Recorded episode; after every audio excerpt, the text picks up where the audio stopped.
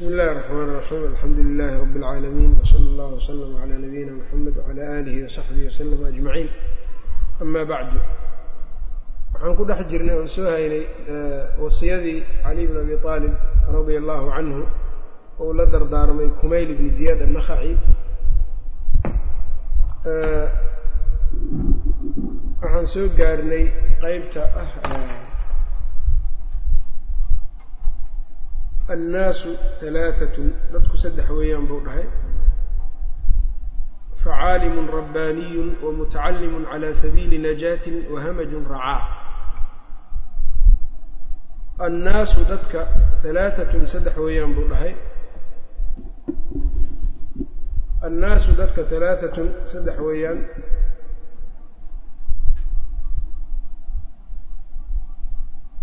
dadkii buu saddex u qaybinaa facaalimun rabbaaniyun caalim rabbaani oo weyn wa mutacallimun iyo mid baaraayo calaa sabiili najaatin badbaadada jidkeeda. Badbaado jidkeeda qof baaraayo. Waa daalibu cilmigii weeyaan kaas marka. Wa hamajun racaacun iyo wax magarad sidii duqsi duulduulaayo oo kale ah. Wa hamajun duqsi racaacun oo markaa isaga meel walba ku dhacdhacayo atbaacu kulli naaciqin mid kastoo qayliyana dadka raaca ah. Yamiiluuna way leexanayaan maca kulli riixin dabayl kasta ayay la leexleexanayaan. Xaq iyo baatil meel allaale meeshii loo socday isaga soconayaan. Lam yastadii'uu kuwaa kuma aysan iftiinsanin buu yidhi binuuri alcilmi cilmiga iftiinkiisa walam yalja-uu ma aynan u ma aysan cuskanin ilaa ruknin wahiiq tiir adag ma aynan cuskanin intaasoo marka hore faqradaasaan marka hore ka hadlayna insha allahu tacaala wuxuu ka bilaabay annaasu halaatatun dadkii saddex buu u qaybinayaa.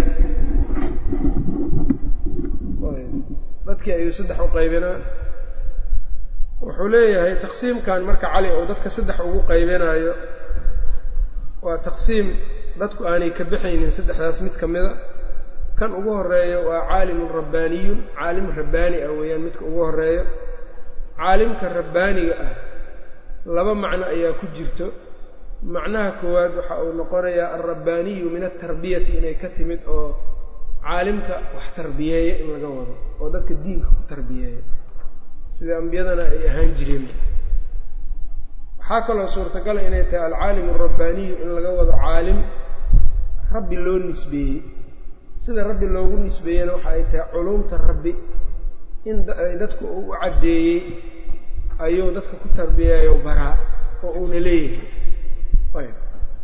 Labadaa macnaba marka waa lagu sheegay. Oo macna rabbaaniyi luqa ahaan waxaa la yidhi alrafiicu daraja fi lcilmi ninka cilmiga darajo sare ka gaaray alcaali lmanzila darajadiisu ay sarrayso saasayna ku xambaareen qowluhu tacaala lowlaa yanhaahum alrabbaaniyuuna waalaxbaaru hadday ka celin lahaayeen dadkii xumaanta sameeyey reer bani israiil hadday ka celin lahaayeen rabbaaniyiinta kuwa yacni cilmiga yaqaano ee inay wax tarbiyeeyaan ay ahayd iyo culimmadooda hadday ka celin lahaayeen dadka xumaanta samaynayo waa wanaagsanaan lahayd iyo qowluhu tacaala kunuu rabbaaniyiina. Waxaad ahaataan dad yacnii dadka tarbiyeeyo oo cilmiga ku tarbiyeeyo oo rabbi loo nisbeeya ahaada.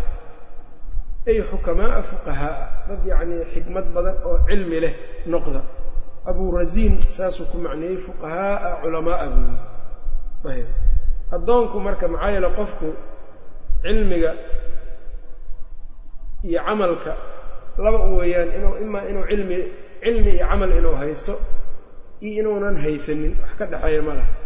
Hadduu cilmi iyo camal isku darsado caalim rabbaani ayaa la yidhaahdaa kan labaadna ee aan cilmiga lahayn isagu haddii naftiisu ay u dhaqaaqayso inuu wax barto waa mutacallim qaybta labaad waa dadkii saddexaa loo qeybiyey nin caalima oo cilmi cilmigiisiina ku camal falay dadkana ku tarbiyeynaayo waa kuwa ilaahay subxaanahu watacaala dadka inay noqdaan ou faray kunuu rabbaaniyiina bima kuntum tucallimuuna alkitaaba wa bima kuntum tadrusuun. Yacni rabbaaniyiin ahaada ayaa dad alla subxaana watacala dad xikmad leh fiqhi leh noqda. Qofku haddaanu sidaas uusan ahaynoo cilmi ouna lahayn waa inuu cilmigii raadinayo markaas ee uu cilmi raadiskii ku jiro. Kaasna qeybta labaadoo cali ka dhigayo waxa uu yidhi wa mutacallimun calaa sabiili najaati. Iyo mid baranayo cilmigii baaraayo si uu badbaado. Dariiqii uu ku badbaadi lahaa iyo jidkii uu ku badbaadi lahaa buu baarayaa. Oo kamaalkaas iyo cilmigii buu raadinayaa iyo dariiqii uu ku badbaadi lahaa kaas marka waa qaybtaas qaybtii labaad ayuu noqonayaa. Qofku haddii marka cilmigii aanu raadinin cilmigii haddii uusan lahayn ounanna raadinin muxuu noqonaa marka wahamajun racaa qaybta saddexaaduu noqonaya wax magaradka oo duqsi duulduulaayo wax udana iyo waxaan udan ahayn aan kala garanaynin marka sidaasay marka saddexdaas yacni qaybood oo cali ugu kala qaybiye dadka. Kan ugu horreeya marka cabdullahi bnu cabbaas rabbaaniga markuu ka hadlayo waxa uu yidhi alrabbaaniyu huwa almucallimu. Rabbaani waxaa la yidhaha mucallimka mid dadka waxbaro waxaa laga qaatay min atarbiyati buu yidhi. Ay yurabbi nnaasa bilcilmi dadka wuxuu ku barbaarinayaa cilmiga kamaa yurabbi tifla abuuhu sida cunuga uu aabihiis u barbaariyey wiilka yarkaas sida loo barbaariyey aabihiisa u barbaariyey oo kale ninka caalimkaana qofka wuxuu ku barbaariyaa cilmiga. Riwaayada riwaayadka qaar waxay leeyihiin waa kuwa dadka ku barbaariyo ku tarbiyeeya cilmiga kiisa yar qabla kibaarihi midka weyn intaan la gaarin karo. Oo cilmiga tadriij dadka u baro oo kuwa hoose uga soo bilaabo saa u wado ilaa kor sidaa ugu geeyo. Saciid bnu jubayr isaguna waxa uu yidhi alfaqiihu alcaliimu alkhabiir. Rabbaaniga waxaa la yidhahdaa qofka fiqhiga badan cilmiga badan ee aada khibradda u badan yacni khibradda badanna leh ayaa la yidhahdaa ibnu qurquul madaalic alanwaarka calaa saxiix alaathaar wuxuu ku sheegay waalrabbaaniyuuna rabbaaniyiinta waxa uu yidhi alculamaau culimada ayaa la yidhaahdaa liqiyaamihim bilkutubi waalcilmi maxaa yeelay waxay ku taagan yihiin kutubta iyo cilmiga. Rabbaaniyiinta kutubta iyo cilmiga ayay ku taagan yihiin. Waxaa kaloo la yidhi buu yidhi waqiila nusibuu ilaa cilmi rabbi tacaala. Waxaa loo nisbeeyey cilmu rabbi. Rabbi cilmigiisa ayaa loo nisbeeyey. Ma gaari karaan rabbi cilmigiisa laakiin waxaa weeyaan cilmigii alle dadka inay bartaan oo ugu talagalay ayay leeyihiin. Sidaabaa marka cilmi loogu nisbeeyey. Ayb alimaam ibn اlqayim raximah اllahu tacaala miftaaxu daari sacaada waxa uu leeyahay wamacna arabbaniyi fi lugati wamacna arabbaniy fi lugati alrafiicu daraja midka darajadiisu ay sarrayso fi lcilmi ay ku sarrayso weeyaan alcaali lmanzila darajadiisu ay kor tahay fiihi cilmiga dhexdiisa wacalaa dalika xamaluu lowlaa yanhaahum alrabbaaniyuuna walaxbaar iyo waqowlihi saasay ku xambaareen waqowlahu kunuu rabbaaniyiin ay xukamaaa culamaa ilaa aakhirihi. Hadalkeeday uu soo sheegay ha ku qaldamin laakiin alcaalimu alrabbaaniyu marka lagu leeyahay rabbaaniga iyo ha isku qaldin qowluhu tacaala wakaayin min nabiyin qaatala macahu ribbiyuuna kaiirun nacam faribiyuuna waxa uu yidhi huna aljamaacaat. Ribiyiin waxaa la yidhahdaa aljamaacaat. Biijmaci lmufasiriin yani wakaayin min nabiyin badanaa nebi qaatala macahu ay la dirireen isaga la jirkiisa ribbiyuuna yani jamaacaat fara badan. Ribbiyuuna kaiirun ay jamaacaatun kaiirun marka rabbaani iyo yani iyo ribbiyuunada halkan ku jirta isku mid ma ah labadooda. Macno iska jir buu kuleeyahay qismiga labaad iyo qeybta labaad intaa marka caalimka rabbaaniga muwaasafaad iyo tilmaamo ayuu leeyahay. Tilmaamihiis waxaa ka mid a inuu dadka tarbiyeeyo. Hadduu cilmigii leeyahay laakiin dadka aanu ku tarbiyeyneynin rabbaani lama dhahno hadduu cilmigii leeyahay laakiin habka dadka loogu tarbiyeeyo uunan aqoonin ee cilmiga weyn oo uga bilaabayo qabla sigaari ilcilmi kan yar intaan la gaarin midka weyn oo uga soo bilaabayana rabbaani lama dhahan. Oo alcaalimu alrabbaaniy waxa wey aladii yurabbi annaasa bilcilmi. Midka cilmiga dadka ku tarbiyeeyo bisigaari ilcilmi qabla kibaarihi. Cilmiga kiisa yaruu ku tarbiyeynayaa kan weyn inta aan la gaarin. Wahaakada sidaasoo marka uu ku socona. Kaas waa qayb kan labaad marka cali dadka labada qaybta labaad dadka uu qeybiyey waa mutacallimun calaa sabiili najaati iyo nin wax baranayo mutacallimun calaa sabiili najaati calaa sabiili najaati laguma tacallujinayo jaariya majruurkaas mutacallimka. Sababta waxaa weeyaan ilaa inta yani la yidhaahdo mutacallimun tadmiin ayaa ku jiro oo waxaa lagu tadmiinina wamufatishun ayaa macnaha laga laga macnayna. Oo markaa waxaa la dhahayaa wamutacallimun ay wamufatishun mid baaraayo calaa sabiili najaati badbaadada jidkeeda. Qof baaraya raadinaya jidka uu ku badbaadi lahaa. Ayb. Qofku marka uu wax baranaayona qof wax baaraayo waayahay fi ay qaasidan bicilmihi najah cilmigiisa marka wuxuu kale ula qasdayaa badbaado inuu ku badbaado ayuu rabaa. Qofkuna ma noqon karo nin mutacallimun calaa sabiili najaati ma noqon karo ilaa saddex arrin in laga helo maaha almukhlisu fii tacallumihi cilmiga inuu ikhlaas ka sameeyo almutacallimu maa yanfacuhu wax anfacayo midka inuu baranayo alcaamilu bimaa calimahu waxa uu bartayna uu ku camal falaayo markaasuu noqonaya almutacallimu calaa sabiili najaati saddex shardi buu u sheegay shaarixa shardiga koowaad waxaa weeyaan inuu almukhlisu fii tacallumihi waxbarashada in ilaahay darti ay ka tahay iyo inuu badbaado ku raadinayo taa waa mid waa midda koowaad weeyaan middaas maxaa yeeley cilmigu waa cibaado cibaadaduna waxay u baahan tahay niyo. Nabiga calayhi isalaatu wasalaam waxa uu yidhi inama alacmaalu binniyaat. Acmaashu waxay ku ansaxdaa laga eegaa oo laga fiiriyaa niyada ayaa laga fiiriyaa. Soo ma kase marka taas iyada marka waa middaas nacam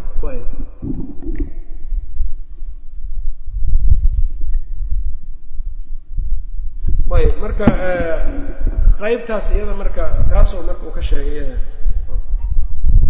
almukhlisu fii tacalumihi waxbarashada inuu marka ilahay dartii horta uu kaga kaga run sheegayo almutacallimu maa yanfacuhu wax anfacaya inuu baranayo shaksiga waxaa dhici karta mararka qaar wax anfacaya inaanu baranin baa dhici karta oo nabiga calayhi salaatu wasalaam waa kii ilaahay ka magangeli jiray oo dhihi jiray allahuma inii acuudu bika min cilmin laa yanfac ilaahu adaan kaa magangelayaa cilmi aan waxba anfacaynin cilmi aan waxba anfacaynin adaan ilaahu kaa magangelayaa. Saasuu dhihi jiray rasuulka calayhi salaatu wasalaam. Haddaba marka meeshii marka waxaa ku jirayso qofka waa inuu baranayo wax markaa isaga anfacayo inuu baranayo. Kan saddexaad waxaa weeyaan alcaalimu bima alcaamilu bima calimahu. Wixii uu gartay ee uu ogaadayna wixii uu gartay ee uu ogaadayna waa inuu markaa uu ku camal falaayo saddexdaa in laga helo wey ikhlaas camalfal iyo wax anfacaya inuu barto waxyaabaha aan ku anfacaynin maxaa ka mid a waxaa ku anfacaya waxyaabaha aan qofka anfacaynin oo culamada islaamkana ka hadleen. Waxaa ka mid a qofka matalan cilmulkalaam inuu barto falsafo. Isagoo matalan yani ee lagana yaabo markaa de in ayna u badan tahayba inuu ku dhumo kuna baadiyooba falsafadiiba u dhex galay isagoon aqoon badan lahayn. Markaasa shaki iyo waxuu ka qaaday marka alle inuu ka shakiyo. Tilmaamihii alle inuu inkiro diido. Asmaadii ilaahay inuu diido ilaa marka yacni weylaad meelo dardaran marka ay ku rido waxyaa sixirkaa ka mid a. Haddaa tiraa cilmi weeyaan sixiraan barana waa cilmi aan ku anfacayn adigna wahaakada cilmi kasta oo kaa leexiyo dariiqa ilaahi subxaana watacaala cilmi aan ku anfacayn waaya cilmigaasi marka wuxuu noqon karaa cilmi cilmiga aan wax anficinna wuxuu noqon karaa cilmi asalkiisaba aan waxba anficin sida sixirka iyo kale. Waxaa kaloo noqon karaa cilmi asal ahaan wax anfaco laakiin adiga aadan ku intifaacin. Kaasina marka waxaa weeyaan cilmigii shareecada intaad baratay inaad ku camal fali weyso ood adduunya wax lamida u barato. Isku soo duduub saddexdaa saddexdaas shardi in laga helo weeyaan nacam. Wa mutacallimun calaa sabiili najaati iyo mid baaraayo jidka uu ku badbaadi lahay ee daalib ah wax baranaayo arday ah midka isagaa marka saddexyaa saddexdaa shardi in laga helo weeyaan waxbarashada inuu ilaahay kaga run sheego niyadeeda ikhlaas wax anfacayo inuu barto inuu ku camal falo waxa uu baranayo. Nabigana calayhi salaatu wasalaam waa ki yidhi man tacallama cilman mima yubtagaa bihi wajhu llahi qofkii cilmi barto wax barto cilmi. Kaasoo waxa alle subxaanahu watacaala wejigiisa lagu raadiye ah laa yatacallamuhu aan u baranaynin ilaa liyusiiba bihi carada addunyaa adduunye dhaldhalaalkeed inuu ka helo mooyaane aan wax kale u baranaynin lam yajid riixa aljanna jannada carafteeda ma helo. Abuu nucaym ayaa wariyey xadiidkaas abu daawuudna. Iyo ibnu maajahna waa wariyeen ibnu xibbaanna saxiixiisa ku soo saaray. Xaakimna wuxuu yidhi saxiixun calaa shardi albukhaariyi wa muslim. Min xadiidi abi hurayra. Oo waxay wariyeen man tacallama cilman mima yubtagaa bihi wajhu llahi caza wajalla laa yatacallamuhu ila liyusiiba bihi caradan min addunya lam yajid carfa aljanna yowma alqiyaama. Maalinta qiyaama jannada carafteeda maba helayo qofkaan cilmiga ilahay dartii u baranin weeyaan saxiixu muslim waxaa ku sugan min xadiidi abi hurayra rasuulka calayhi salaatu wasalaam inuu yidhi waraju dadkii naarta dadka ugu horreeyo naarta la gelinayo warajulun tacallama alcilma wacallamahu nin cilmiga cilmiga bartay dadkana baray wa qara'a alqur'aana qur'aankii akhriyey fa utiya bihi waa la keenayaa ilaahay baa loo keenayaa facarafahu nicamahu nicmooyinkiisuu ilaahay aqoonsiinayaa uu tusayaa facarafahaa wuu garanayaa faqaala famaa camilta fiiha maxaad ku camal fashay? Nicmooyinkaa maxaa ku samaysaa? La dhahayaa qaala tacallamtu alcilma wacallamtuhu cilmigii baan bartay. Dadkiina waa baray buu dhahayaa. Wa qara'tu fiika alqur'aana. Dartaa baana qur'aanka u akhriyey. Qaala kadabta. Been baad sheegtaa la dhahayaa ayuu alla dhahayaa. Walaakinaka tacallamta. Waxbaad baratay. Liyuqaala caalimun. Si caalim lagu yidhaahdo wa qara'ta. Waad akhrisay. Liyuqaala huwa qaari'un. Si lagu yidhaahdo alla ninkan waa qaari. Faqad qiila waana lagu yidhi uma umira bihi fasuxiba calaa wajhihi xataa ulqiya fi nnaar waa naarta in la geliyaa la amrayaa wejigaa dhulka looga jiidayaa ilaa naarta looga tuuro. Waa awalu man tusacaru bihi yowma alqiyaama fii jahannama waa kan dadka qofka ugu horeeyo naaru jahannam lagu lagu hurinaayo kan wada. Caalim aan cilmigiisa ku camal falin. Caalim yacni niyadii ay ka xumaatay. Qaari niyadii ay ka xumaatay caalimkii qaariga hal ka dhig mujaahid jihaaday ilaahay jidkiisa ku jihaaday laakiin niyadiisu ay xumeyd nin mutasadiq ahaayo deeq badnaayo haddana aan hal istutus wax u bixin jirin. Saddexdooda ugu horreeya walidaalika culamada qaarkood waxay dhaheen xataa gaalada ayagaa uga horreynayo naarta maxaa yaele xadiidka nabiga daahirkiisa saasuu tilmaama awalu man tusacaru jahannamu yowma alqiyaama qofka ugu horreeya jahannamo hurinaayo maalinta qiyaamaha aweliyadaas marka waxaa ka muuqanaya inaan cidina aysan uga horreynin. Saasay leeyiin walciyaadu billah. Marka khatar waayo marka caalimkii marka haddaanu ikhlaas la imaanin ninkii wax baranaya daalibu cilmigii hadduusan ikhlaas la imaanin calaa sabiili najaati kuma taagna jid badbaadaa jid badbaado qofkaasi kuma taagna. Sidoo kale wuxuu nabiga calayhi salatu salaam uu reebay qofka inuu cilmiga u barto culummada in lagu tiriyo lagu daro. Dadka sufahada ee waxba ogeyne caamada inuu ku waabsado ee uu markaa kula doodo iyo qofka waxyaabaha saasoo kale u barto jannada carafteeda isagana ma carfinaayo ma urinayo axaadiidta marka baababkaas ku soo aroortayna aada iyo aada u badan tahay. Culimmadana kutubta cilmiga markay ka hadlaayaan awal shay waxay ugu horumariyaan aadaabu daalibi ilcilmi tasxiixu niya niyadiisa inuu hagaajiyo. Qeybta saddexaad ee uu tilmaamay cali bn abi aalib radia allahu canhu waxaa weeyaan almucridu qofka ka jeesta cilmiga. Falaa caalima walaa mutacallima. Caalimna ma aha waxbara daalibna ma aha. Ardayna ma aha nin wax yaqaano dadka waxbarana ma aha. Bal hamajun racaacun. Kuwaasi waxa uu yidhi waa hamajun racaac ayuu ku tilmaamay. Alhamaju min annaas waxaa la yidhahdaa xamqaa'uhum dadka kuwooda doqomada ah. Dadka kuwooda jaahiliinta ahaa la yidhaha asalkuna wuxuu ka yimid alhamju jamcu hamjati weeyaan waa dubaabun sagiirun kalbacuud tixsi yaroo dhilmaanyada oo kale ah. Asalku sidaas weeyaan. Ayb kaasaa marka hamajku marka macnaha duqsigaasaa marka ayuu ku mihaalay alracaacuna waxaa la yidhahdaa alxamqa aladiina laa yuctadu bihim. Kuwa aan la tirsanin waxmagaradka ah ayaa racaac la yidhahda marka macnuhu marka wuxuu noqonayaa dadkii saddex buu u qeybiyey annaasu halaatatun buu yidhi caalimun rabbaaniyun caalim rabbaaniya wa mutacallimun calaa sabiili najaatin calaa sabiili najaah kan saddexaadna waa hamajun racaacun kuwa yacnii hamaj ah duqsi oo kale ah racaacun oo wax magarato ah atbaacu kulli naaciqin mid kastoo qayliyana dadka raaca ah meel kastoo laga qayliyo uu raacaya waana da waktiga dambe marka atbaacu kulli naaciqin wuxuu ku fasirayaa hamajka ayb ay man saaxa bihim. Qofkii u qayliyaba waa iska raacayaan weyna qof kastoo u yeero oo u qayliya way iska raacayaan. Na marka waxaa lagu waxay shabahaan xoolaha oo kale. Waa sidau alla u yidhi subxaanahu watacaala wamahalu aladiina kafaruu kamahali aladii yanciqu bima laa yasmacu ila ducaa'an wanida'a gaalada mithaalkooda waxa uu yahay kamahali aladii yanciqu bima laa yasmacu qof u dhawaaqayo waxa waxba maqlayn kamahali aladii yanciqu bima laa yasmacu ila ducaa'an wanida'an mooyaane qofaan waxba fahmaynin waan oo un dhawaaqo un iska maqlaayo kaliya oo xoolihii marka haddii arigii loo dhawaaqo raacigii ama qowsaarkii u dhawaaqo wuu soo raacaya arigii dhawaaqa unbuu fahmaa bis faham kale iyo wax kale dheefsi kale iyo midna ma laha kanina saasoo kale xayawaankii buu shabahayo qofkii u dhawaaqou raacaya oo iska soo raaca tilmaamtan marka uu amiiru lmu'miniin cali bn abi aalib radia allahu canhu uu ku tilmaamay waxay waxay kaga timid min cadami cilmihim wa dulmati quluubihim. Yacni cilmi la'aantooda qalbigooda mugdiga uu yahay weeyaan. Falaysa lahum nuurun iftiin ma laha ay wax ku arkaan. Walaa basiiratana ma laha basiira yufariquuna bihima bayna alxaqi waalbail basiiro ay xaq iyo baatilka ku kala saaraanna ma laha bal ilkullu cindahum sawaa xaq iyo baatil waa iskugu mid. Cilmigii ay wax ku kala sooci lahaayeen ma laha ayb. Markaasuu wuxuu yidhi yamiiluuna maca kulli riixin. Dabayl kastay la leexanayaan. Dabayl kasta ayay la leexanayaan. Wa fii lafdin maca kulli saa'ixin. Mid kastoo qayliyay la leexdaan oy la iishaan.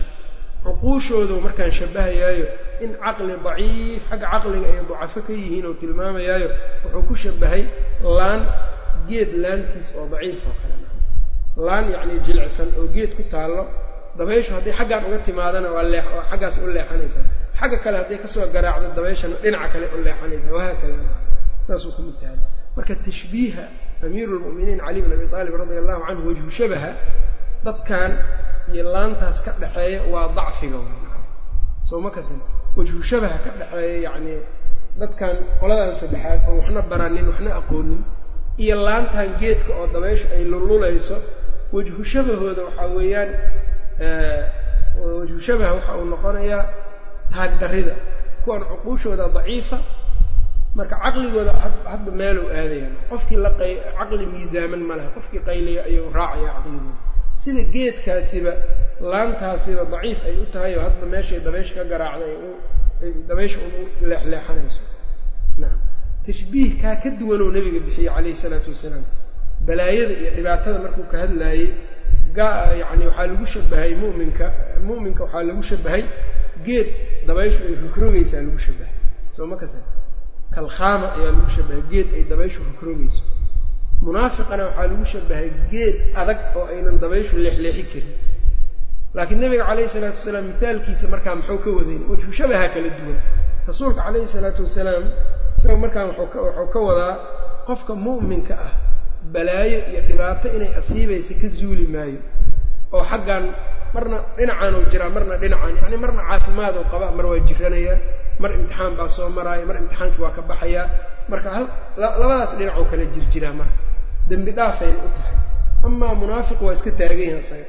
Lama ma musiibo kuma dhacayso sida qaalibka ah oo bimacnaa yani waxa waa iska caafimaad qabaa aafaadka adduunyada dhan waa laga ilaalinaya dembigiisii baa loo kaydinaa si aakhiro loo buuxiyo gaalka iyo munaafiqa soo ma kas walidalika ibnu rajab kitaabuu ka alifay xadiidkaas sharxiisa. Marka tashbiiha cali halkan iyo tashbiiha nabiga calayhi salatu salaam laba baabay ku kala saabsan yihiin marka. Sidaa ogaa yamiiluuna maca kulli riixin dabayl kastay la socdaan oy la iilanayaan wa fii riwaayatin maca kulli saa'ixin lam yastadii'uu binuuri lcilmi lam yastadii'uu kuma aanay iftiinsanin. Binuuri lcilmi cilmiga iftiinkiisa kuma aanay iftiinsanin. Sababta marka ay heerkaa u gaariyeen uu tilmaamayo waxa uu yidhi dad cilmi ku nuursaday oo ku iftiinsaday ma ahan oo indhala-aan ayay kaga jiraan. Oo cilmigu inuu iftiin yahay allahba tilmaamayo yaa ayuha aladiina aamanuu itaquu allaha wa aaminuu birasuulihi yu'tikum kiflayni min raxmatihi mu'miniina ilaahay ka cabsada rasuulka rumeeya yu'tikum kiflayni min raxmatihi wayajcal lakum alla wuxuu idiin yeelayaa nuuran tamshuuna bihi. Iftiin ku socotaan. Nuuran tamshuuna bihi. Yacni waa ku soconaysaan xaqi iyo idiin kala saara oo cilmigii waxaa weeyaan waxbuu ku tusaa. Alcilmu yubasiruka waxbuu ku tusaa. Waxa uu ku tusana markaa waxaa imaanayso inaad kanna waa baatil garato. Kanna inuu xaq yaha garato xaqi aad raacdo baatilkiina ka tagto oo nuurkaasaana ilaahayba ku tilmaamay ka tilmaamay. Wakadalika awxaynaa ilayka ruuxan min amrina maa kunta tadrii ma alkitaabu wala aliimaanu walakin jacalnaahu nuura. Saasuu ilahay subxana wa tacaala. Waxyigii waxaanu ka dhignay ilaahayna nuuran kaaga dhignay. Isaga hortiis maa kunta tadrii ma alkitaabu wala aliimaanu waxyigaan hortiis ma aadan ogeyn kitaab iyo iimaan midna ma ogeyn marka qofku waxyila-aantu marka dhibay leedahay. Walidalika alimaam axmed raximah llahu tacala wuxuu yidhi insaanku cilmiga kama maarmo. Waa laga yaabaa sida yacnii baahida uu cilmiga u qabo waa ka daran tahay buu yidhi baahida uu u qabo cuntada iyo cabitaanka. Maxaa yeeley baahida cuntada iyo cabidda uu u qabo marka la qadaro haddii la waayo waxa ugu badanee la qadari karo waxaa weeyaan waa almowt qofka inuu hal mar dhinto. Laakiin marka cilmiga la waayo waxyiga qofka uu sina u waayo dhibaatada ku dhacaysaa waxaa weeyaan waa dhibaato daa'ima adduunyadii nolol xun buu noolaana aakhirana naartuu ku waara walciyaadu billah.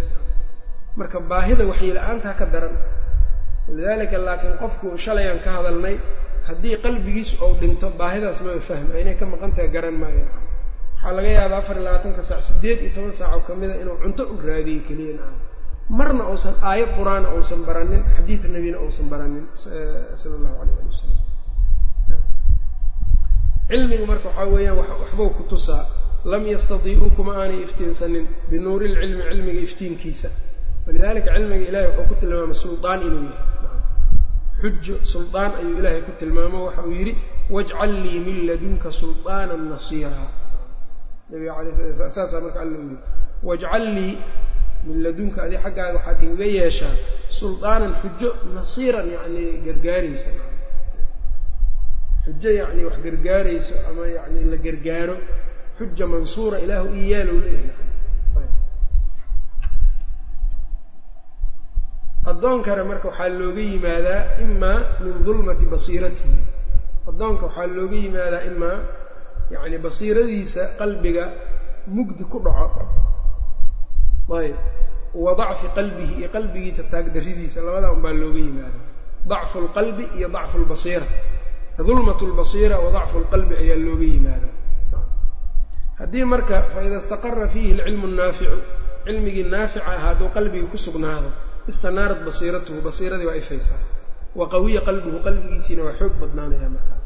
Sooma kas wahadaani alaslaani buu yidhi marka labadaa asal qudbaa asacaadati liibaanta labadeeda udub dhexaad u ah labada tiir oo ay sacaadada iyo liibaanta ku taagan tahay waxaa weeyaan quwat lqalbi wa nuuru lbasiira acni alcilma waalquwa cilmiga iyo quwadaan ujeedaan waa labada asal oo miftaaxu daari sacaadahan uu ku dhisan yahay.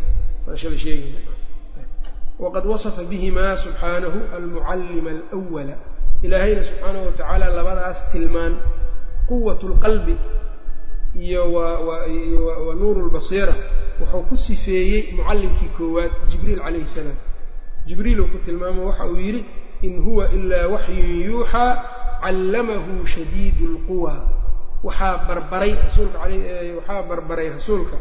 Shadiidulquwa baa baray. Xooggiisu kii uu darnaay jibriil ma ogtahay wa qaala fii suurati alkawtarna wuxuu ku yidhi fii suurati takwiir inahu laqawlu rasuulin kariim dii quwatin cinda di lcarshi makiin quwa lagu tilmaamay marka jibriil fawasafahu bilcilmi waalquwati cilmi iyo quwa lagu tilmaamay wa fiihi macnan axsanu min hada wa huwa alashbahu bimuraadi caliyin radia allahu canhu marka dadkani waxaa weeyaan marka iyagu basiiradaasna ma helin saa darteed marka qalbigiina mugdi bay ka noqdeen oo iftiin male qalbigiina awood iyo quwana ma laha walam yalja-uu ma aanay cuskanin ilaa ruknin watiiqin tiir adagna ma aysan cuskanin. Tiir adagna ma aanay cuskanin cilmiga waa tiirka adag. Marka tiir adag ma aanay cuskanin wuxuu ku sifaynayaa yasifuhum biqilati alcilmi cilmi yaraan buu ku sifaynayaa wa sakhaafati ra'yi. Ra'yi xumo iyo cilmi xumo ayuu ku sifaynayaa maxaa yeelay haddii cilmi ay lahaa lahaayeen waa ku iftiinsa lahaayeen. Hadday ra'yi fiican lahaa lahaayeenna qof cilmi lahay u tegi lahaayeen. Hadalka cali yacni meelo waaweyn uu toogana wax isku soo celcelis keliya ma aha. Markii hore wuxuu ku soo yidhi lam yastadiicuu binuuri ilcilmi. Inaysan cilmi lahayn buu kuu sheegay. De haddaanay cilmi lahayn laakiin ra'yigoodu ou fiicnaan lahaana jaahil hadday cilmi haddii cilmi la'aan ay ahaan lahaayeen ra'yigooda laakiin uu wanaagsanaan lahaa maxaa imaan lahayn inay dadka cilmiga le u tagaan oo ay cilmiga ka bartaan. Ra'yi xumana waa ku dhacday nimankaanoo waxa uu yidhi marka walow kaana lahum ra'yun hadday ra'yi lahaan lahaayeen walam yakun lahum cilmun cilmina aanay lahaan lahayn iltaja'uu ilaa dii basiiratin. Waxay cuska lahaayeen qof basiiro iyo aragti dheer lehay cuskan lahaayeen. Yasiiruuna bisayrihi socodkiisay ku socon lahaayeen wayanhajuuna manhajahu dariiqiisana waa qaadi lahaayeen fahum jahalatun xamqaa marka waa dad jaahiliin oo dabaallo ah laa cilma walaa caqla cilmina male caqlina male nas'alu llaha an yarzuqana alcilma walcamal waltawfiiqa lilmaqaami alakmal qofku marka labadaa wax ka dhexeeya malaha qof baa iska ra'yi fiican oo caqli leh nin culamaa buu u tegaya oo ku dayana laakiin haddii ra'yigiina uu xumaaday cilmigiina la waayey maxaa u malaynaya marka waa hamajun racaac kaasoo kale marka kaas inaad ka dheeraato kaasoo kale inaad ka fogaato weeyaan. Ayb intaa markuu marka cali radia allahu canhu markuu inahaas uu tilmaamay ayaa marka waxa uu yidhi alcilmu khayru min almaali. Alcilmu cilmiga khayru min almaali maalka waa ka khayr badan yahay. Cilmigu maalka waa ka fiican yahayo wuu ka khayr badan yahay. Alcilm ayb alcilmu yaxrusuka alcilmu khayru min almaali. Cilmiga maalka wuu ka khayr badan yahay. Alcilmu yaxrusuka. Cilmiga wuu ku ilaalinayaa. Cilmiga waa ku ilaalinaya wa anta taxrusu lmaala maalkana adaa ilaalinaya maalka adaa waardiyeynayo ilaalinaya cilmiga laakiin isagaa ku ilaalinayo. Awalan inuu cilmiga maalka ka khayr badan yahay wujuuhda oo uga qayrka uga khayrka badan yahay aaday u tiro badan tahay wa minhaa waxaa ka mid a qowluhu tacaala alla uu yidhi waqul rabbi zidnii cilmaa waxaa tidhaahdaa rabbi yaa rabbi rabbigayow zidnii cilman cilmi ii kordi.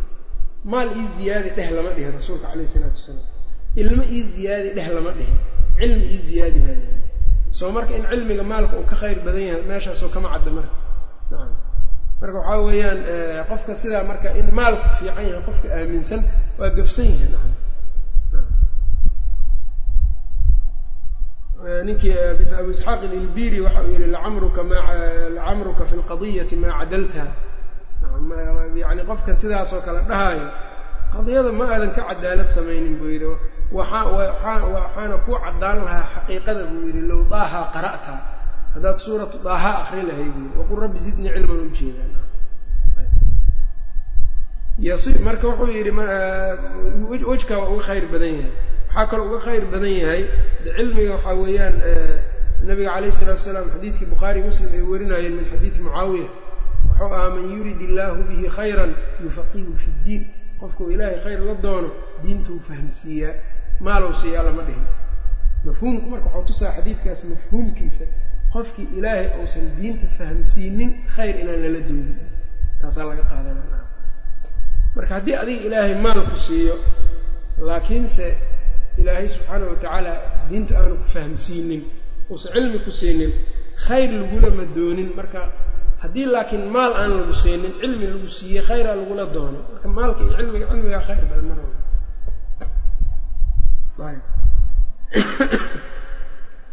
tan saddexaad waxaa weeyaan maalka qof kastaa helo ilaahay gaal iyo muslim labada waa siiyaa.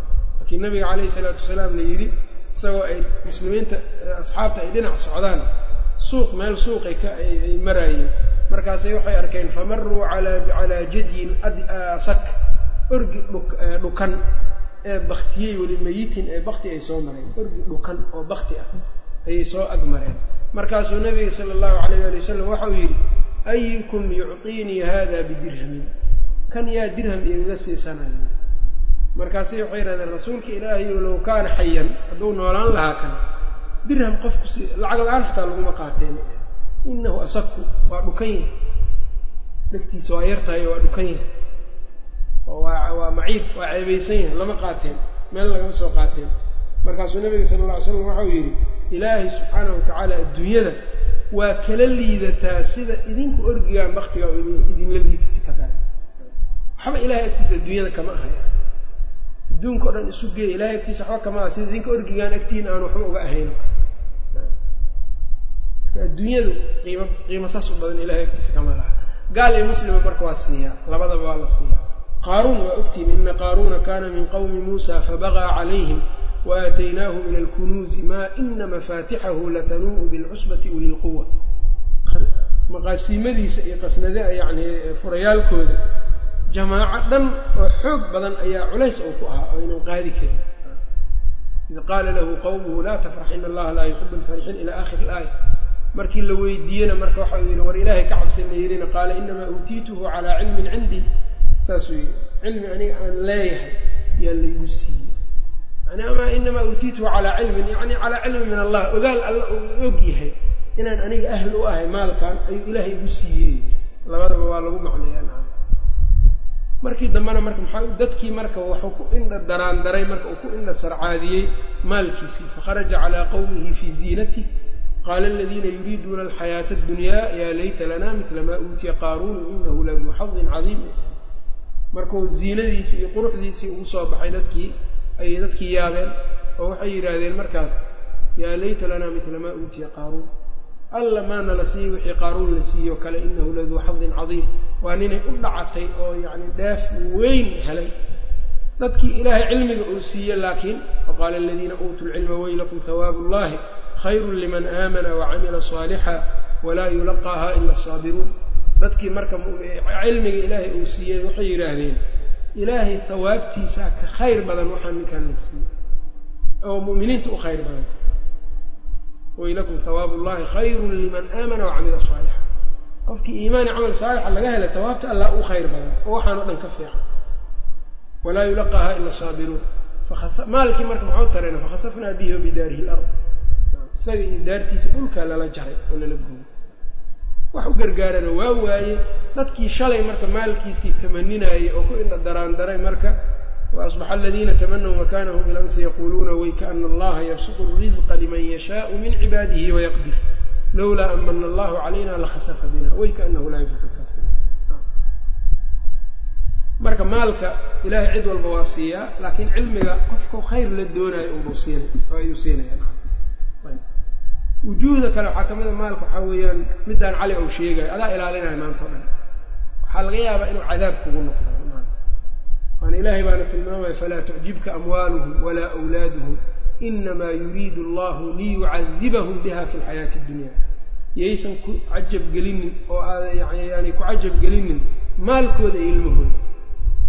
Inamaa yuriidu allahu ilaahay wuxuu rabaa liyucadibahum biha inuu maalka ku cadaabo alimaam ibnu lqayim wuxuu leeyahy waa la yaab yani waxaa la dhihi karaa oo maalka dadku raaxay ka raadiyaan see loogu cadaabaa dadku maalka raaxaday raaxay ka raadiyaan see loogu cadaabaayo waxaa loogu cadaabaa buu leeyahy ilaaliskiisaa dhib ku noqonaya waa ku bakaylayaan.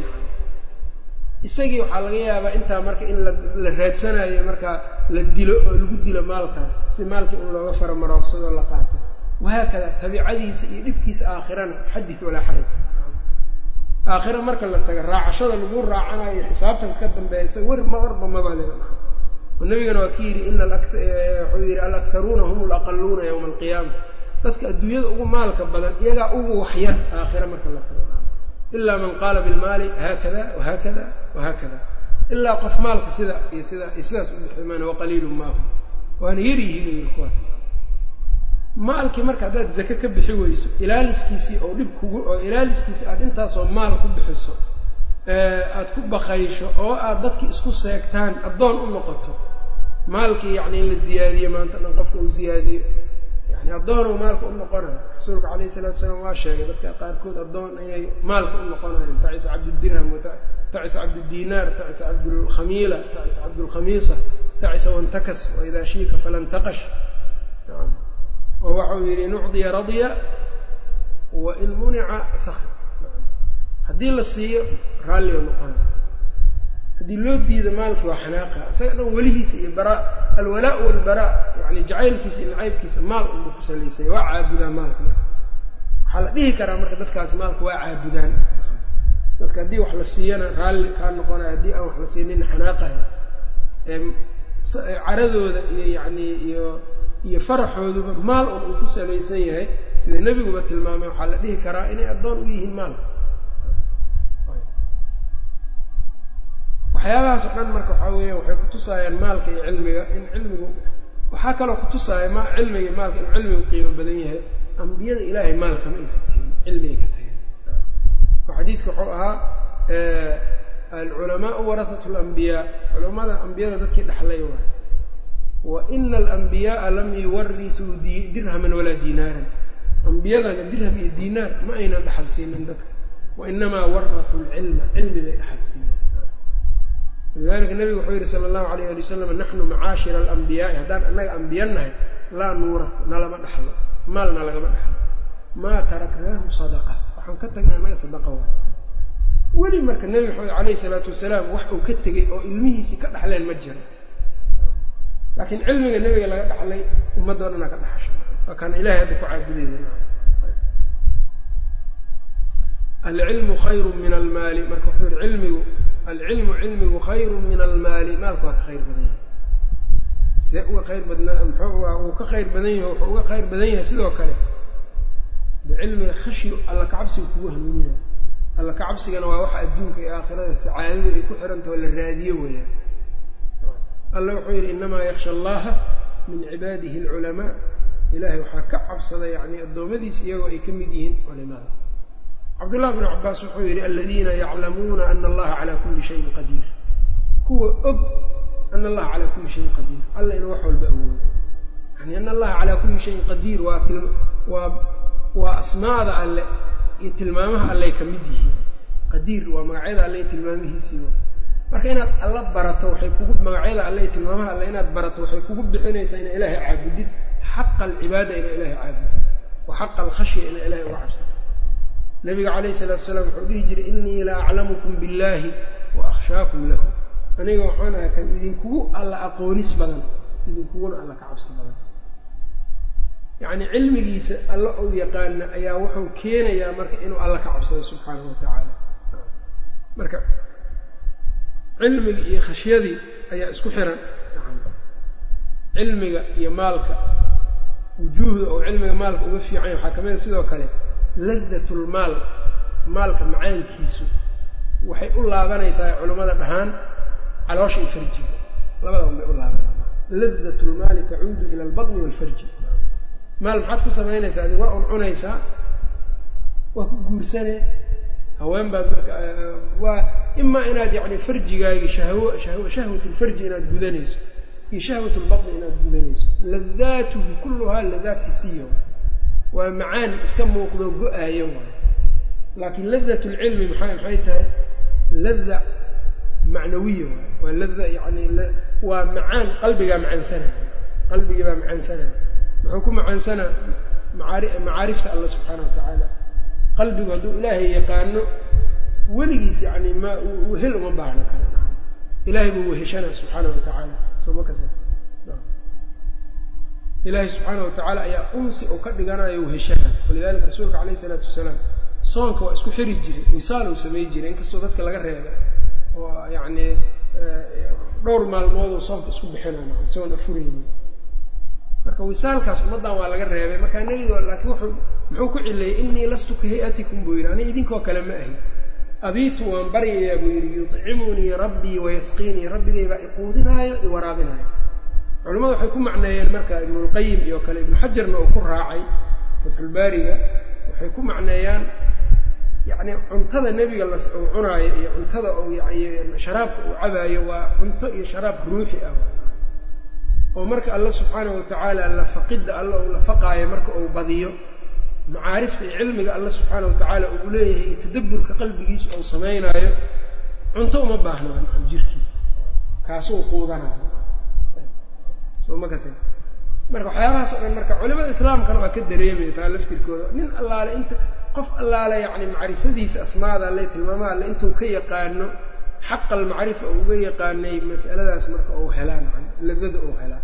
Lidalika sheikhu lislaam ibnu taymiya wuxuu dhihi jiray ina fi dunyaa jannatan adduunyada jannaa ku taallo man lam yadkulhaa qofkaan gelin laa yadkhulu jannata alaakhira jannada aakhira ma gelaayo jannadaa marka wuxuu ku tilmaami jiray yacni munaajaatu rabbi ilaahi subxaana wa tacaala qofka inuu la sheekaysto la faqo oo salaadaha iyo qur'aan akhriska iyo maca asmaada alloo lagu tadabburo iyo tilmaamaha ilaahay oo lagu tadabburo iyo janno laakiin qod qofku waxaa weeyaan salaaddii nebiga calayhi salam muxuu salaada nebiga ka dhihi jireen. Salaadda yacni nebiga waxay u ahayd ilqabowsi quratu quratu caynihi bay ahayd. Dhibaata murug markay ku dhacday salaada uu u degdegi jiray sida siirada nebiga ay tilmaamayso yacni marka salaadahaas uu degdegaayey iyo waxyaa yani salaadii salaad rasmi oo ruuxii uu dareemaya rasuulka alayh salatu salaam. Laakiin kuwa ibnulqayim oo u bixiyey salaada kuma raa kuwa salaada waa ka raaxaystaan oo yiri kuma raaxaystaan maaha wax laga hadlayo kuwaas ama wuxuu leeyahy haalibu nnaas dadka badankood hadda salaadda waa ka raaxaystaanay kuma raaxaystaan. Salaaddii naga soo riday leeyihiin soo ma arkin salaaddii ay ugu jirto waa iska soo ridaa duhuran iska soo ridaa casaran iska soo ridaa asalku waxay ahayd janno inay noqoto salaaddii macna jannatun fi dunya inay ahaatay ahayd uu ku qabowsada ma ogtahay nacam. Macaarifta marka cilmiga cilmiga yani ladadiisa iyo macaankiisu lada macnawiya qalbiya waay laakiin maalka macaankiisu macaan iska muuqdo waay nacam. Inuu go-ana waa badan tahay ladatulmaal waa go'aya kam dad madax ahaan jiray oo madaxtinimadii laga qaaday ee la dilay ama qaarkood yacnii inta madaxtinimadii laga qaaday dabaqada dabaqa ugu hooseysa gaaray kam taasoo kale soo martay. Wakadalika dad maal lahaan jiray oo maalkii ka baaba-a intaad arkaysaa hadduusan ka baabi'inna waa dhimanayo soo ma kasa laakiin cilmigu ma dhimanayo isaga. Xataa qofka hadduu dhinto cilmigiisii xusuustiisii iyo yani iyo sheeg sheegiisii waa baaqi. Wataraknaa calayhi fi laakhiriin qur'aanka say uga buuxdo a aragtay nacam. Oo ambiyada ilaahay magac fiicna ilaahay ka reebay. Ilaahay hadda yani waa wanaag baa lagu sheegaa wahaakada culimadana saas oo kale. Marka cilmigu wujuuhdaas waa uga khayr badan yahay maalka. Waxaa kaloo uga khayr badan yahay asbaabta fitnada keentaba waa jahli fitna oo dhan haddaa aragtay jahli unbaa sabab u ah. Xadiidkii bukhaari oo warinaya wuxuu ahaa yataqaarabu zamaan waqtigu waa soo dhowaana waa isguraaya. Culamada waxay ku macnaeyeen waqtigii barakadaa laga qaadaya xataa takuuna sanatu sanadii ilaa ay ka noqoto shahran washahru usbuucan. Bishii ay usbuuc ka noqoto. Walusbuucu yowman usbuuciina maalin ay ka noqoto. Yataqaarabu zamaan ibnu xajar isaga marka wuxuu yidhi waaba aragnay yiri anaga waqtigeennan aragnay.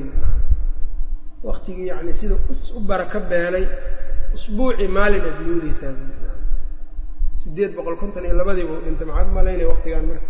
Oo macaasidu iska badatay markaasuu wuxuu yidhi ibnu yataqaarabu zamaan wayurfacu lcilmu cilmigi waa la qaadaya wayanzilu ljahlu jahligana waa soo degaya jahligii baa soo degaya ayb wayakuru lharju isdilkana waa badanaya dilka aan ujeeddada lahaynna uu badanaya riwaayadka qaar zinadaa badanaysay leedahay marka in dilku bato zinadu badato maxaa sabab waa kow ibnu xajar wuxuu leey calaamaadka waxaa laga bilaabay yataqaarabu zamaan maxaa laga bilaabay calaamaadka marka wayurfacu lcilmu cilmiga in la qaadayo cilmiga la qaadaa asal u ah balaayo dhan banaan marka meel haddii cilmi laga waayo si kasta maal ha u yaallo dhib unbaa yaal iyo qas iyo talaaqin iyo dhibaata tahay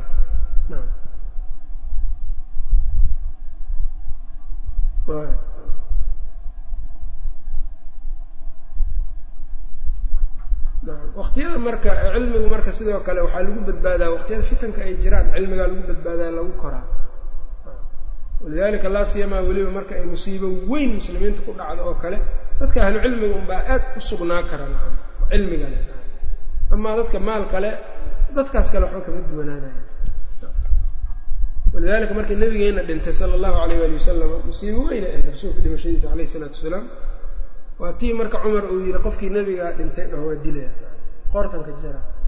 Abuubakarna markaa waa sugnaaday oo muxuu sameeyey aayaddii buu akriyay wamaa muxamedun ilaa rasuulun qad khalat min qablihi rusul afa in maata aw qutila inqalabtum calaa acqaabikum inaka mayitun wa inahum mayituun cumar aayaddaas kaanama inay markaas soo degtaa moodaan waa iska degay waa xasilay soo ma walidaalika meeshaas marka abubakar saxaabada ninka ugu cilmiga badan uguna fadliga badan. Maxaa yeele mawqifkaas abubakar waa sugnaaday. Cilmiga waa waxa marka ku sugnaa ku sugnaaday wahaakadaa markii riddada ay dhacday oo dadki intay ridoobeen diintii laga wada baxay oo yacni qaryooyinkii iyo reer baadiyihii o dhan diinkii ilaahay ay ka baxeen abubakar waa sugnaaday markaasuu wuxuu yidhi la uqaatila oo dadkii ay zakada diideen la uqaatilana man faraqa bayna salaati wazakaati salaad iyo zaka ninkii kala qaado waa la dagaalamaya cumar marka uu la yaabay fiiri cumar ninka ku xigoo ah abubakar uu la yaabay marka wuxuu yidhi see ula dagaalamay dad laa ilaha illa allahu dhahayo markaasuu wuxuu yidhi salaada xaqullaahi waay xaqulbadan weeyaan salaada zakadana xaqulmaal labadooda ninkii kala qaadan waa la dagaalamaya marka abubakar ilaa bixaqihaa buu deliishanaya. Laa ilaha illahu meesha iska taagnaan maysa iyadana. Hadaad laa ilaha illa allahu dhahdo xuquuqdeeda inaad laasimsato haddaad laa ilaha illahu muxamedun rasuulullah dhahdo salaadna ma tukanayo aad la soo istaagto. Ama zake ma dhiibayo aad tiraahdo. Waxaa weeyaan ilaa bixaqihaa baa ku haysto dadku marka ilaa bixaqihaada aada uma feeriyaan badanaa waxay ku leeyihiin qofkan laa ilaha illahu qof dhahayo see see loola dagaala. Inay ku dhahaana la arkaan. Marka ilaa bixaqihaa haddii uu xaqeeda la yimaado macsuum waa lala dagaali maayo haddii laakiin xaqeedii uunan laasimsanin qabuulkii uu diido diintii inuu laasimsado uu diido ilaa uu ka laasimsado waa lala dagaalama bal shuruudu laa ilaha illa ma shardi baaba maqanba min shuruudi laa ilaha illa allahu ka mid ah marka waxyaabahaas dhan cilmigu marka laa siyama marka waqtiyadaas fidnada ay jirto cilmigu dadka daliilka iyo waaqicada inay isku dabaqaan dadka waa ku adkaataa ilaa ilaahay qofka u fura ma aha. Lislaam ibnu taymiya kitaabkiisa aljawaab albaahir fii zuwaari almaqaabir ayuu ku sheegaa saas oo kale macnahaas amtilada aan soo qaadanayna wuu soo qaadanaya alcilmu cilmigu khayru min almaali maalku uu ka khayr badan yahay. Alcilmu cilmiga yaxrusuka isaga ayaa ku ilaalinaya. Wa anta adigana taxrusu lmaala maalka adaa ilaalinayo maalka adigaa ilaalinaya cilmiga laakiin isagaa ku ilaalinaya. Oo cilmiga inuu ku ilaalinayo mithaal baaba la soo qaadan karaayo. Haddaad og tahay cuntadan inay sun ku jirto. Waa ka dheeraanaysaa soo maha? Ogaalka aada ogaatay baa kaa ilaalinaya marka wahaakadaa cilmiga haddii tawfiiq ilaahay qofka uu ugu darana wixii naar qofka geynayo iyo wixii dhibaato ku ah iyo wixii xaaraana oo dhan buu ogyahay qofka caalimkaa waa ka fogaanaya min hunaa marka cilmigii isagaa qofka marka ayaa marka cilmiga isagaa ku ilaalinaya laakiin maal soo adaa inaa ilaaliso u baahan isagaa wuxuu u baahan yahay in la ilaaliyo maalka falcilmu xaarisun lilcaalimi marka cilmigu marka caalimka isagaa ilaali kan waardiyihiisa wa wakada dabiibu alxaadiqu yamtanicu bicilmihi min kaiiri maa yajlibu lahu alamraada walasqaama waxa cudur iyo jiro u soo jiido qofka dhakhtarka waa ka digtoonaanaya wakada alcaalimu caalimkana saas kale bimakhaawifi ariiqi ayb waxyaabaha marka duruqda qofka yaqaano duruqda cabsida leh digtoonidiisuu ka qaadanaya ya'hudu xidrahu minha. Digtoonidiisuu ka qaadanaya cilmigii baa marka ilaalinayo wasaawisu shaydaan buu ka ilaalinayaa khataraatu shaydaan buu ka ilaalinayaa waxaasoo dhan buu qofka ka ilaalinaya tarjamada alimaamu nawowi raximah llahu tacaala tuxfatu daalibiinka waxaa lagu sheegay in maa habeen isagoo imaamu nawowi madraso min madaaristii xadiidka isagoo jooga dimashq. Labadiisii waalidna ay meeshii wax ka jiifaan oo xilli habeena ay ahayd buu soo kacay waa iska adkaarsanayo waa werdinayo marka. Tasbiix iyo taxmiid iyo ayuu ku jiray. Nin un baan arkay yidhi meel barkad laga weysaysta igaga soo muuqdo.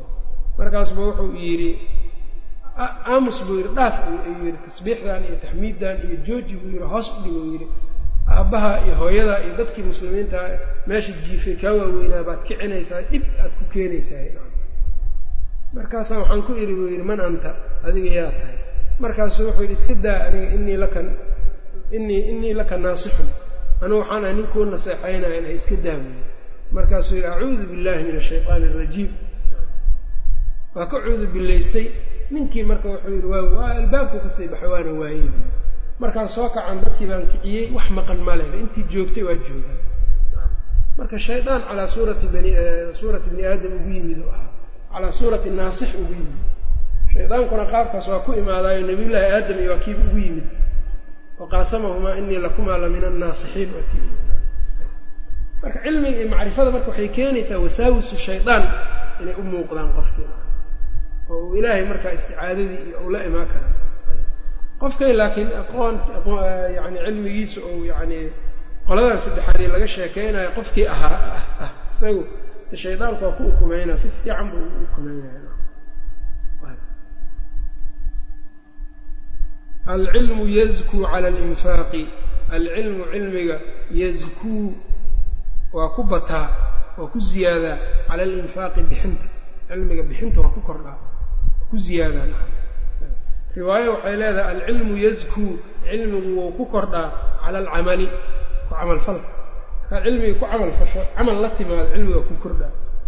Waalmaalu maalkuna tanqusuhu nafaqatu nafaqada waa nuqsaaminaysaa ama tunqisuhu nafaqatu nafaqadaa nuqsaamisa maalka halkaana marka laba shay buu u sheegayoo alcilmu yazkuu cala alinfaaq cilmiga bixinta waa ku waa ku barakoodaa waana ku bataa. Maxaa yeele waxaa weeyaan aljazaau min jinsi alcamal.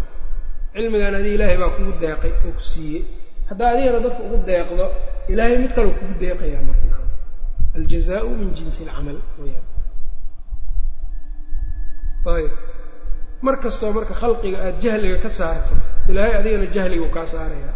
Maxaa yeele qofku markuu caalim yahay kullamaa uu cilmigiisa ou bato kullamaa jahligiisa ou ogaanaya waxyaaba badan baa adiga jaahil ka tahay. Umuuruhuna dhowr nooc weeyaan nacam. Wax adiga yacni aada jaahil ka tahay. Ood aqoonteeda inaad jaahil ka tahayna aadanba ogeyn xataa. Waxaad jaahil ka tahay adiga aada sabab iskugu tahay oo xadgudub aada la timid darteed oo yacni waxbarashadii aad ka gaabiso darteed inaad jaahil uga noqotay. Waxaasoo dhan ilaahay subxaanahu watacaala marka waa ku uu ku barayaa. Cumuumka waxaana u daliila xadiidkii nabiga calayhi isalaatu wasalaam uu yidhi anfiq bani aadamow bixi unfiq calayka. Waan ku nafaqayna anigana wax bixi anna waxbaan ku siinayaa. Saasa ilahay xadiidka u ahaa.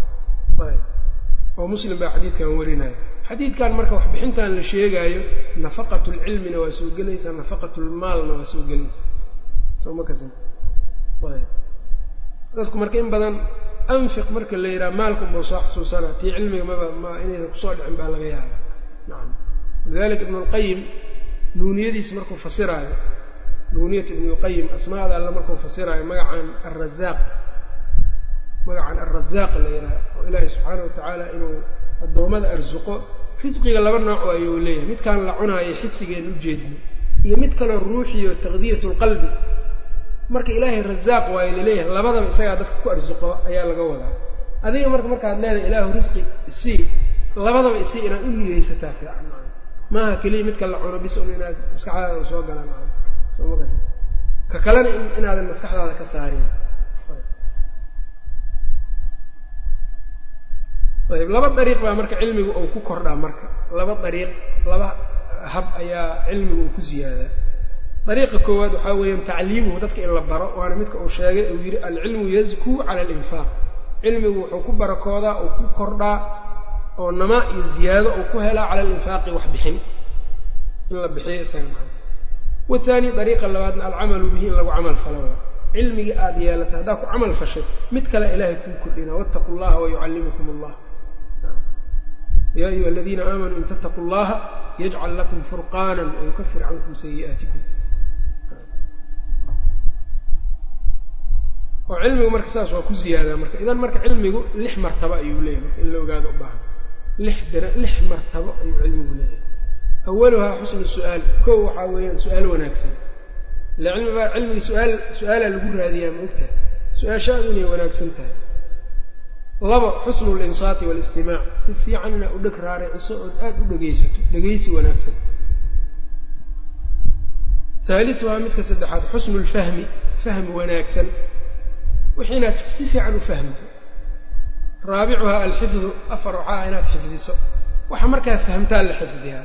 Soo ma yani marka waxa aad si fiican u fahamto ayaad xifdin kartaa.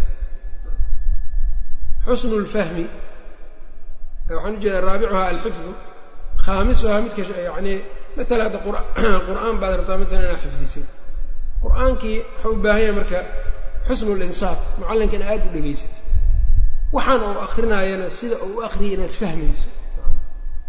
Oo carabkaagii oo horta saxmo. Carab saxan wixii aad saxdaa lagu celceliyaa marka. Waxaad saxdaa lagu celceliyaa lagu celceliyaa markaasaa la xifdiyaa. Laakiin haddaad tidhaahdid macallin la'aan ama markuu macallinkii akrinaayo haddaadan insaadba la imaanin maba dhegaysaninba adiga nacam waxaa laga yaaba meel ou si u akriyaad inaad si kale inta u akriso saas ku xifdiso. Marka waxaa kaa maqan maraatibta cilmigii marka wax badanaa maqan. Raabicuhaa alxifdu khaamisuhaa atacliim shan waxaa a marka inaad wax tacliim inaad dadka barto. Saadisuhaa wahiya tamaratu weeyaane waa mirihii alcamalu bihi ku camal fasho wamuraacaatu xuduudihi xuduudda cilmiga inaa ilaaliso ayb wa xirmaanu lcilmi qofka in cilmiga laga xirmaaniyo loo diidana lix wej ayaa cilmiga looga looga xirmaaniyaa waa lixdii hadda wax ka soo horjeedo tarku su'aal suu linsaat cadamu ilqaa'i samci suu linsaati wa cadamu ilqaa'i samci dhagtiiba ma raaricinayo aada uma dhegaysanayo suu lfahmi cadamu alxifdi cadamu nashrihi wa tacliimihi cadamu alcamali bihi waa lixdii hadda ka soo horjeedkooda cagsigooda culamada salafka qaarkood waxay dhihi jireen kunaa nastaciinu calaa xifdi alcilmi bilcamali bihi. Cilmiga xifdigiisa waxaan u kaalmaysan jirnay ku camalfalkiisa haddaan xadiidka ku camal falnaba xifdiga waa noo sahlanaanaya. Wa qaala bacduhum qaarkood waxay dhaheen alcilmu yahtifu bilcamal. Cilmigu wuxuu u qaylinaa camalfal fain ajaabahu haddii marka wuxuu cilmigu wuxuu dalbaa camalo u qaylina fain ajaabahu camalka hadduu soo ajiibo waa sidii la rabay. wa ilaa haddii kalena irtixala waa iska tegaa cilmiga. Markaad adiga wax barato cilmiga waa qaylina waxuu rabaa camal. Haddii camalkii la waayo cilmiga waa iska tegaa meesha ma joogayo. fama studira alcilmu bimili alcamali bihi hada macnaa qowlihi radia allahu canhu fi riwaayati athaniya waalcilmu yazkuu cala alcamal cilmiga yani wax uu ku ziyaado camal uga fiican ma laha oo camalkaa marka kordhinayo ziyaadinayo dabaraani isnaad xasana isaga waxaa looga wariyey inuu wuxuu ku wariyey isnaad xasana xadiid nabiga sala allahu alayh ali wasalam laga warinayo uu yidhi mathalu aladii yucallimu nnaasa alkhayra midka dadka khayrka baraayo wayansaa nafsahu naftiisana iloobaayo ka mathali faynus yudiiu ama nal yudii'u linnaasi dadka uu iftiima wayaxriqu nafsahu naftiisana waa guba faynus iyada waa isgubeen dadkana iftiinay uta waa ku intifaacsanaya rawahu dabaraaniyu fi lkabiiri biisnaadin xasanin buu yidhi y وبالله التوفيق وصلى الله وسلم على نبينا محمد